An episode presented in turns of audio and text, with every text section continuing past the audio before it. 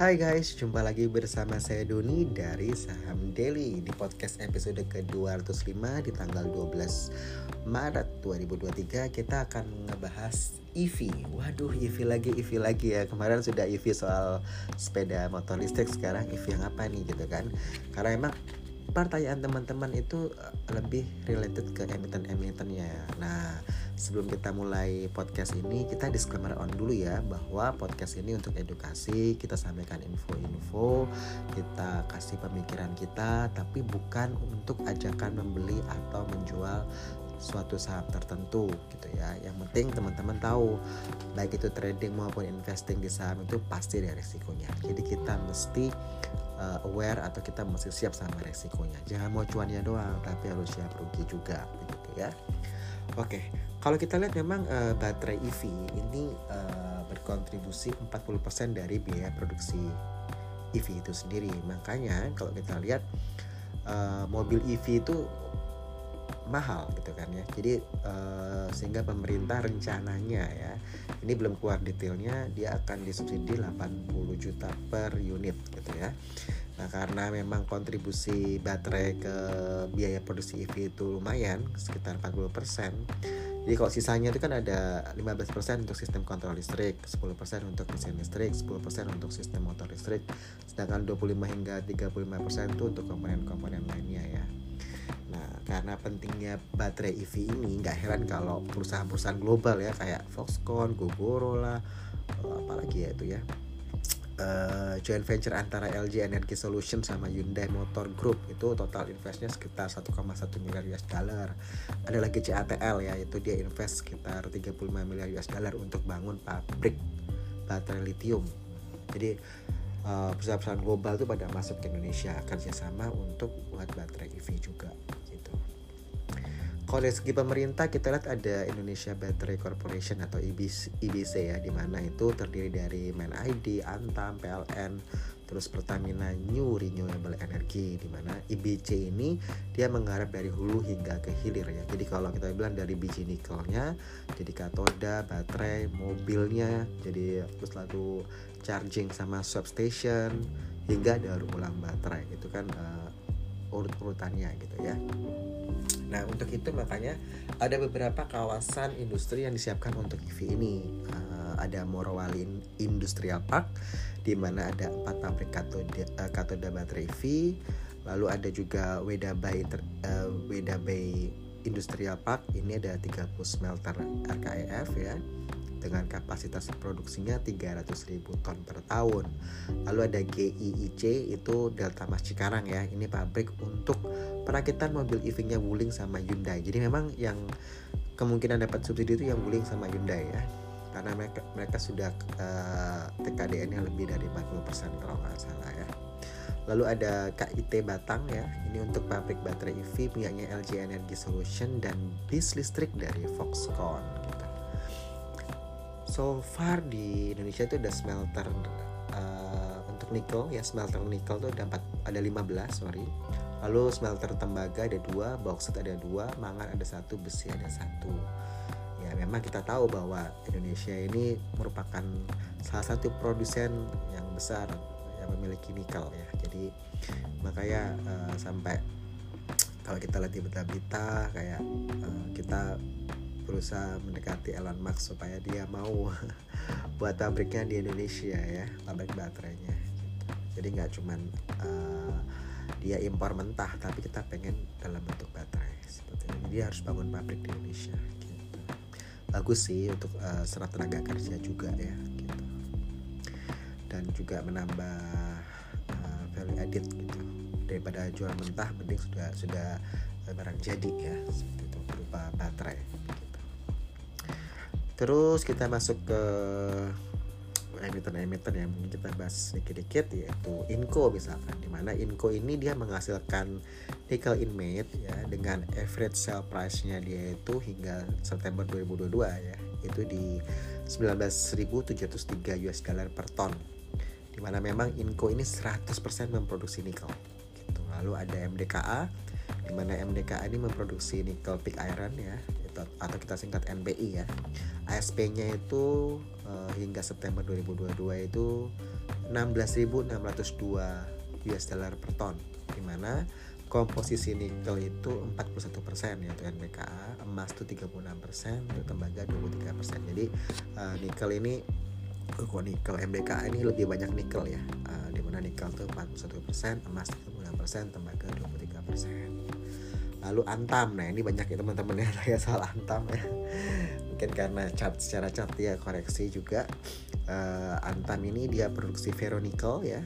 ASP-nya hingga uh, September 2022 itu di 18.957 US dollar per ton. Dengan komposisinya Antam ya itu nikel tuh 25% logam mulia 71% sisanya itu bauksit 4% gitu. kalau kita mau breakdown ya misalkan Inco Inco ini dia punya proyek smelter di Bahodopi ya. Ini kerjasama sama China Shandong Shanghai ini proyeknya senilai 21, eh 2,1 sorry saya ulangi ya 2,1 miliar US dollar untuk produksi ferronikel dengan kapasitas 73 ribu ton dengan potensi revenue-nya itu 1,383 juta. Sorry biru nih ya. Udah malam nih ya. Di, uh, dengan potensi revenue Inco itu di 1383 juta US dollar dengan target operasinya di tahun 2025 jadi masih lama ya untuk smelternya ini. Nah teman-teman ini kan pengennya cepet-cepet-cepet gitu ya. Itu butuh waktu untuk smelter ini yang di Bahodopi gitu ya dan uh, Inco sendiri itu juga bangun smelter Hapal ya itu di Pemala. Ini kerjasama dengan Seijiang Huayo ya. Lalu Inco juga ada penambahan kapasitas sebesar 10.000 ton per tahun untuk smelter RKIF di Sorowako. Lalu untuk cadangannya, jadi cadangan nikelnya Inco itu ada 122,5 juta metric ton Untuk produksinya hingga 9 September 2022 nikel inletnya itu sebanyak 43.907 ton. Wilayah operasinya Inco tadi saya sebutin ya di Bahodopi Sulawesi Tengah di Sorowaku, Sorowaku Towuti Sulawesi Selatan Pomala dan Suasua di Sulawesi Tenggara. Memang kalau kita bilang nikel nih ya Sulawesi ya di Pulau Sulawesi gitu ya. Uh, dia punya banyak yang menambang di Sulawesi. Kita dari Inco ke mana ini? Ke MDKA MDKA ini proyek smelter di Morowali, produksi produknya itu NPI, kapasitasnya 50.000 ton dengan potensi revenue-nya 830 juta US dollar. Target beroperasinya di semester 1 2023 untuk MDKA. Di mana MDKA ini punya sumber daya 1,1 miliar ton nikel yang mengandung 13,8 juta ton nikel dan 1 juta ton kobalt dengan nilai operasinya di Konawe, Sulawesi Tenggara untuk produksi hingga 9 September 2022 itu NPI-nya sebanyak 28.918 ton. Jadi 28.918 ton. Lalu MDKA ini dia ada akuisisi ya 51% saham tambang nikel SCM ya. Ini via Merdeka Battery Material. Sebenarnya ditunggu-tunggu IPO-nya ya, IPO-nya. Lalu uh, eh, MDKA juga mengoperasikan dua smelter dengan kapasitas total 38.000 ton per tahun. Dia ada buat uh, joint venture ya GV sama Singhan uh, mereka bangun kawasan industri Konawe di lahan seluas 3.600 hektar. Inco sudah, MDKA sudah, terus Antam. Antam proyek smelternya di Halmahera Timur dan Mempawah ya di mana yang Halmahera Timur itu dia produksi ferronikel dengan kapasitas 13.500 ton potensi revenue-nya itu di 256 juta US dollar. Target operasi beroperasinya di semester 2 tahun 2023 untuk proyek smelter yang di Mempawah itu dia produksi alumina. Kapasitasnya 1 juta ton potensi revenue-nya itu di 575 juta US dollar. Target beroperasinya di kuartal 3 2024 Antam ini cadangan nikelnya adalah 382 juta WMT dan sumber dayanya 1,4 miliar WMT cadangan bauxitnya itu 107 WMT sumber daya bauxitnya itu di 587 juta WMT Antam ini beroperasi di wilayah di Tayan, Kalimantan Barat, lalu di Pomala dan Konawe di Sulawesi Tenggara, dan juga ada di Papua Barat dan Maluku Utara. Ini lebih ke spread ya untuk Antam dibandingkan dengan Inco tadi di Sulawesi. Iya kan ya, Inco di Sulawesi kalau nggak salah tadi semua. Ya betul. Lalu untuk produksi hingga September 2022 Antam ini memproduksi bauksit sebanyak 935.518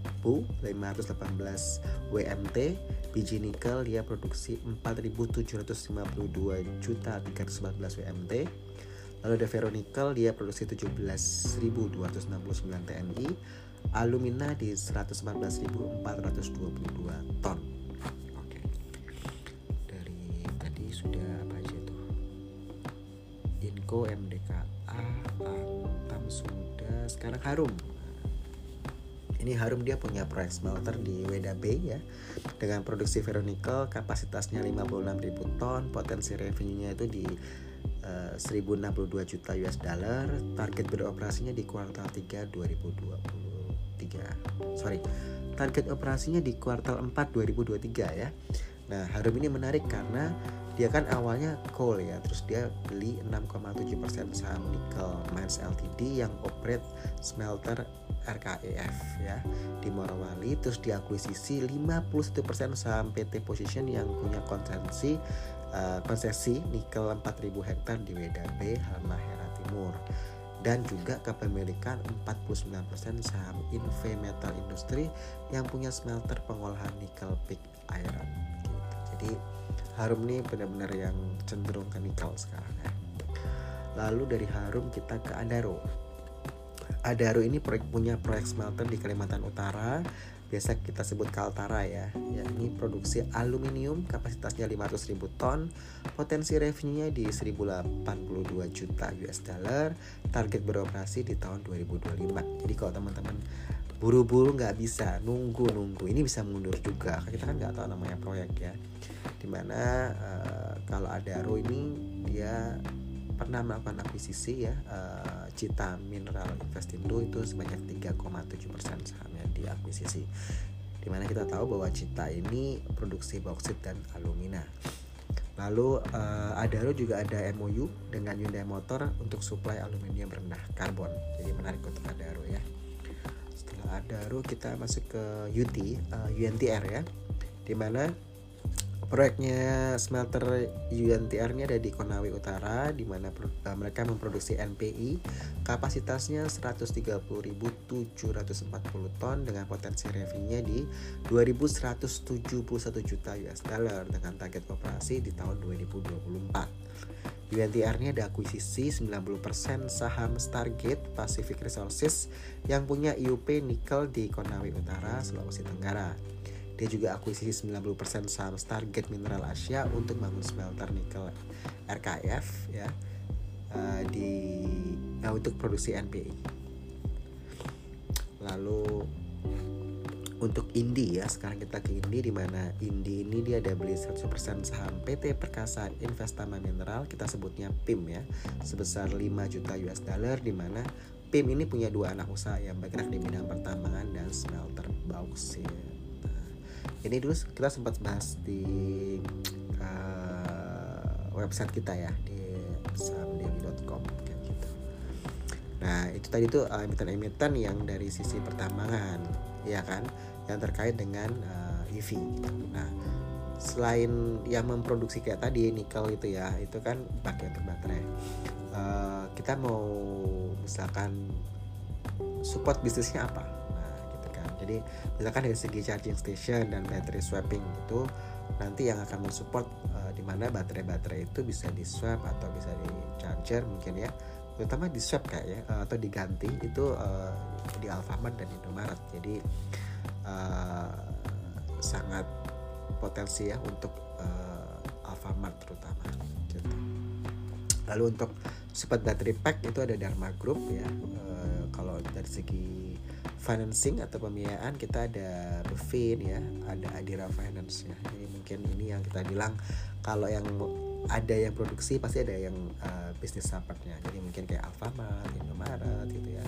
Lalu ada Bevin, ada Adira Finance gitu. Itu yang bakal apa uh, dapat sentimen positif ya kalau EV-nya itu jalan seperti itu. Jadi semoga uh, podcast ini bisa menjawab pertanyaan teman-teman gitu ya. Tapi memang kalau kita bilang uh, secara komunitas memang harga-harga sahamnya turun ya. Terus uh, kok harga saham, harga komoditasnya itu turun ya gitu. Jadi secara global.